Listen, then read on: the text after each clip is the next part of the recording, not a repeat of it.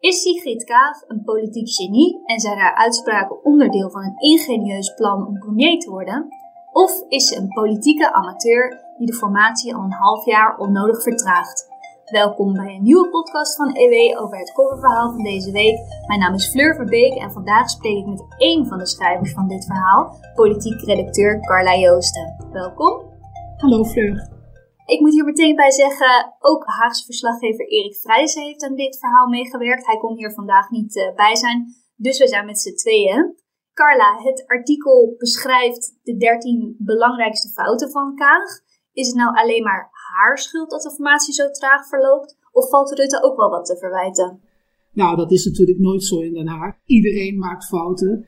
Maar het is natuurlijk heel lastig als nieuwkomer. En je moet het uh, opnemen tegenover iemand die uh, ruim tien jaar destijds uh, ervaring heeft. En nou, iedereen weet dat Mark Rutte ook fouten maakt. Vooral wat met betrekking tot zijn geheugen.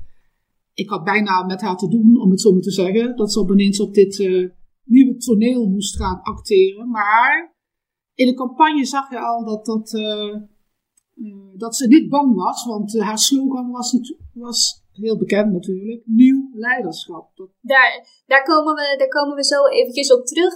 Heel eventjes uh, focusend op de formatie. Er waren natuurlijk ook andere partijen. De twee linkse partijen bleven vasthouden aan hun eis om elkaar vast te houden. Rutte en uh, Hoekstra bleven vasthouden aan de eis om die twee partijen buiten te sluiten. Zo bleven alle partijen toch eigenlijk vasthouden aan hun eisen. Kaag was daarin niet de enige. Ja, dat is zeker waar. Uh, maar het opmerkelijke is dat uh, Kaag die was tegen continuering van het uh, huidige kabinet. Want zij wilde niet langer met de ChristenUnie. Het, het vreemde daaraan was dat deze coalitie twee zetels had gewonnen bij de verkiezingen. Wat natuurlijk heel anders was voor uh, GroenLinks en de PvdA. GroenLinks uh, was geduikeld van 14 naar 9 zetels. Nou, dat is echt wel een groot verlies. de PvdA was blijven steken op 9. Maar Kaag wilde toch liever met zeg maar deze verliezers. dat had natuurlijk te maken met haar voorkeur voor een linkser kabinet. Zij heeft dat nogal luid uitgedragen. Terwijl VVD en CDA, die, die hielden zich een beetje op de vlakte. En Wopke Hoekstra had één woord in de wereld geholpen. Namelijk dat hij niet met een linkse wolk wilde regeren. Een woord dat Mark Rutte snel overnam. En daar bedoelden ze mee. Twee partijen van links, hè, die tezamen een wolk zouden vormen wat natuurlijk toch inderdaad wel een hele andere situatie is dan wanneer één van die partijen uh, coalitiepartner zou worden.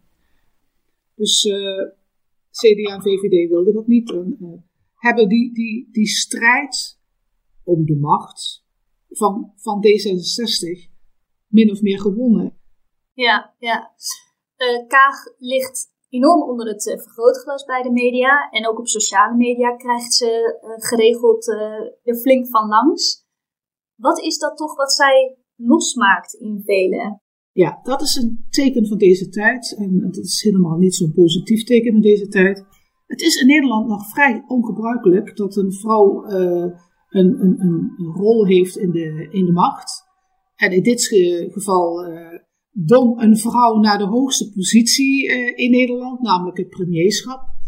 Uh, dat deed ze ook nog op een manier waarin ze uh, zich etaleerde als de betere, moreel verheven figuur in het hele tableau. En dat laatste, dat wekte natuurlijk irritatie, dat is altijd met iemand die zich toch op het oog opstelt. Um, zij kreeg inderdaad ontzettend veel uh, speren op haar geworpen. Maar dat heeft ook te maken met het feit dat in verkiezingscampagne en ook de strijd om de macht in de kabinetsformatie is ook een soort gevecht. En sommige spelers op het toneel die aarzelen ook niet om heel grof geweld te gebruiken, namelijk verbaal geweld. En dat heeft ook te maken met de cultuur die ontstaan is op sociale media. En die is niet fraai. Ik vind ook, ik vind ook vrij stijloos eigenlijk. het, het, zou eigenlijk helemaal niet nodig moeten zijn om zo uit te halen naar je tegenstander. Een teken van zwakte van, van de vijanden van elkaar. En je ziet overigens ook dat de machtigste politicus van het land, namelijk Mark Rutte, die doet dat helemaal niet. En die weet dat dat, dat op den duur niet werkt. Eigenlijk blijft hij boven de partijen hangen. Ja, hij heeft zo'n tactiek van uh, uh, niet reageren op een, uh, wat hij al jaren een stuk rood vlees noemt. Hè, dat in de arena wordt gegooid en waar dan de stier naartoe rolt om het op te vreten, om het zo maar te zeggen. Ik moet zeggen dat de wijze waarop Kaag met Wilders in de verkiezingscampagne bezig was, dat, dat toonde wel dat ze hem wel aankomen. Ja, tijdens deze campagne had Kaag haar, haar mond al vol van nieuw leiderschap. Hè? Inderdaad, die morele uh, bovenliggende positie waar jij het net al over had. Wat bedoelt ze daar eigenlijk mee, die term? Ja, ik moet je eerlijk zeggen, dat moet ik altijd opzoeken wat ze daarmee bedoelt. Want de, nou ja, sinds de schoollezing weten we er iets meer van. Maar van Medevaan heeft ze altijd wel gezegd van, uh, dat, dat het land niet door een politiek manager uh, gerund moet worden. Uh, je moet met lange termijn idealen moet je bouwen aan de toekomst. En, en vervolgens kwam ze ook met uitlatingen als: je moet niet achter de troepen aanlopen, maar je moet zelf leiding geven. En zij straalde uit dat zij dat ook zou gaan doen. En een paar van de thema's die ze heel vaak heeft genoemd, is klimaat en de Europese Unie. En ook wel het migratiebeleid. En wat mij zo opvalt is dat, dat bij deze twee thema's, de EU en klimaat, dat, dat je Mark Rutte naar haar ziet opschuiven. Is het ook niet omdat hij geen andere keuze heeft? Uh, ja, heeft natuurlijk te maken met uh, politieke partijen die anders denken op dit gebied. Het CDA niet, niet eens zo heel anders, maar uh, D66 en de ChristenUnie wel. Vooral als het over klimaat gaat. Migratie overigens ook. De EU, daar is de ChristenUnie ook wat kritischer over. Maar uh, aangezien uh, Rutte niet wil regeren met, met de PVV, want daar heeft hij zijn bekomst van, moet hij zijn kabinet zien te smeden met partijen, met andere partijen. En tegenwoordig heet dat zo heel plechtig het politieke midden. Ehm, de middenpartijen. En Rutte heeft zo gelaveerd dat zijn eigen partij inmiddels ook een middenpartij is geworden. Was vroeger een, een, een centrumrechtse partij, soms wel ook gezegd een rechtse partij. Dat is een beetje lang geleden al, denk ik. Maar uh, nou ja, dus je, ziet gewoon ook de politieke panelen schuiven. Ja, ik wil even terug naar uh, eigenlijk de onderhandelingsstijl van Kaag.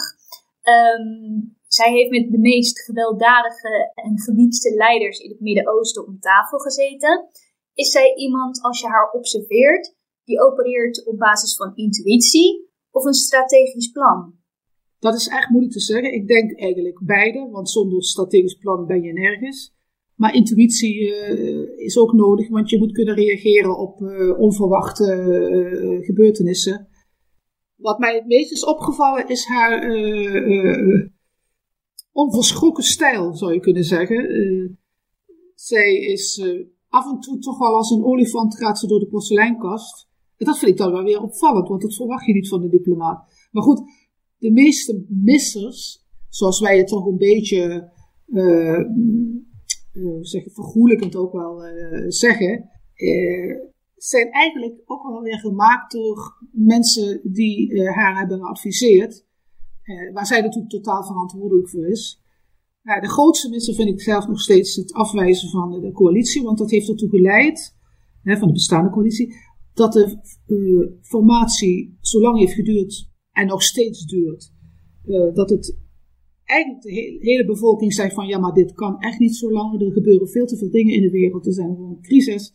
Uh, daar moet nieuw beleid voor komen. En je hoort om de haverklap in Den Haag zeggen: dat is aan een nieuw kabinet. Nou, door, toch vooral door haar uh, manoeuvreren en het afwijzen van de ChristenUnie, zijn, we, zijn we na zeven maanden nog niet zover dat er een kabinet is. Over dit, deze formatie werd gisteravond gedebatteerd. Ehm, daarbij herhaalde zich een tafereel dat we de afgelopen maanden veelvuldig hebben gezien, namelijk Wilders die je inhakt op Kaag. Dat klonk zo. U beschadigt iedereen. U, u zegt over de ChristenUnie dat het een, auto, een roestige auto is. U zet in uw schoollezing dat de heer Rutte geeft u zeven messen in zijn rug. En over de informateur laat u uw mensen zeggen dat hij bezopen, dat hij dronken was in zijn arbeid. U moet zich doodschamen en dat u hier geen verantwoording over aflegt, is ver onder uw niveau. Hier heb ik uh, niks uh, op te zeggen. Dat spreekt voor zich. Het zijn uw woorden, meneer Wilders.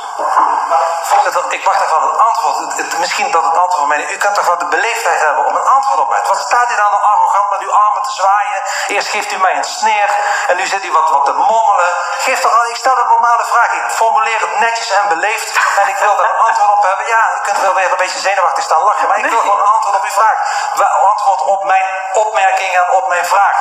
Mevrouw Kaag, mijn antwoord is helder en daar blijf ik bij. Wilders haalt een aantal voorvallen aan, waaronder de beschuldiging aan het adres van Remkes over zijn alcoholgebruik. Ik vraag me daarbij af in hoeverre heeft zij de regie in handen bij dit soort aantijgingen, of wordt dat allemaal bepaald door de spindokters om haar heen? Ik denk niet dat zij gezegd heeft, jongens, ga die, uh, die roddel eens even de wereld in helpen. Ik denk wel dat zij uh, terugkomend over, uit het overleg met negen fractievoorzitters, was het geloof ik, dat ze eh, op de bank is neergezakt en dat er een, uh, ik zou zeggen dat er een glaasje is ingeschonken, dat ze eventjes ging evalueren met hun, haar medewerkers. En dat ze, dat ze de opmerking heeft, maar ik vond het maar een uh, warrige bijeenkomst. En misschien komt het wel doordat de informateur Johan Remkes graag een borrel lust. Dat, dat weet iedereen dat hij dat graag lust. Maar ja, heel veel mensen weten ook dat juist Remkes uh, daar heel goed tegen kan. Misschien wel omdat hij het al zijn leven lang doet. Maar goed, uh, en hoe gaat het dan in Den Haag? Uh, de, de, de bondkraag rond de politiek leider, die begeeft zich tussen het journaille en probeert een, een dusdanige sfeer te scheppen waarin het lijkt, of in elk geval waarin de ontvanger van, van, de, van de praatjes denkt van, oh ja, Oké, dus uh, die Remkes is, uh, is een dronkenlap. Misschien heeft zij wel, hebben zij wel gedacht van, we kunnen, hem we kunnen hem uitschakelen. Want hij is de man die deze coalitie wil, uh, in een tweede ronde wil brengen. Hoe denk jij dat de achterban naar Kaag kijkt? en naar het feit dat zij nu toch in het kabinet gaat, mogelijk met een premier die, zoals zij dat zelf zei, ritselt, regelt, en, en koffie drinkt uh, zonder, zonder visie, is zij bij haar eigen achterban nog geloofwaardig? Ja, ik denk dat, uh, dat ze bij de vaste kern van D66, van de, bij de leden zeg maar, dat ze nog wel steeds geloofwaardig is. Ik denk wel dat uh, kiezers die, die wat minder dicht bij D66 staan en eigenlijk nu voor, misschien wel voor het eerst op die partij gestemd hebben, denken van nou nou, dat is ook een brekenbeen. En dus dat denk ik wel. Uh, ik, ik, denk wel dat er twijfels zijn, maar uh, iedereen, iedere mens weet natuurlijk dat, dat, dat, dat, dat je niet mag worden afgerekend op, ja, op fouten die je met name ook in het begin maakt, of missers, hoe je het ook noemt. Het, het, het, het heeft haar beschadigd, maar het hoeft niet fataal te zijn, denk ik. Ze kan zich natuurlijk enorm gaan revancheren als een ideaal politiek leider, uh, waarbij ze dan uh, het, het, het, liefst in de Kamer uh, kan blijven zitten, want dan kan zij het politieke ambacht, want dat vergeten mensen wel eens, het is een echt ambacht, heel goed kan leren. Dat kan je het beste in de Kamer. Carla, ik wil je bedanken voor je uitleg. En wie nu het hele coververhaal, ook geschreven door Erik Vrijzen, wil lezen, vindt het huidige nummer nu in de winkel. Maar lezen kan natuurlijk ook via de site ewmagazine.nl. Daarin ook antwoord op de vraag wat zich afspeelde achter de schermen in de uren voorafgaand aan het aftreden van Kaag als buitenlandminister en hoe dat de verhoudingen bij de formatie op scherp zette. Daarmee zijn we aan het eind gekomen van deze podcast. Ik wil u bedanken voor het luisteren. Vergeet u niet te abonneren. Volg ons op Twitter en Facebook voor de laatste updates en graag tot de volgende keer.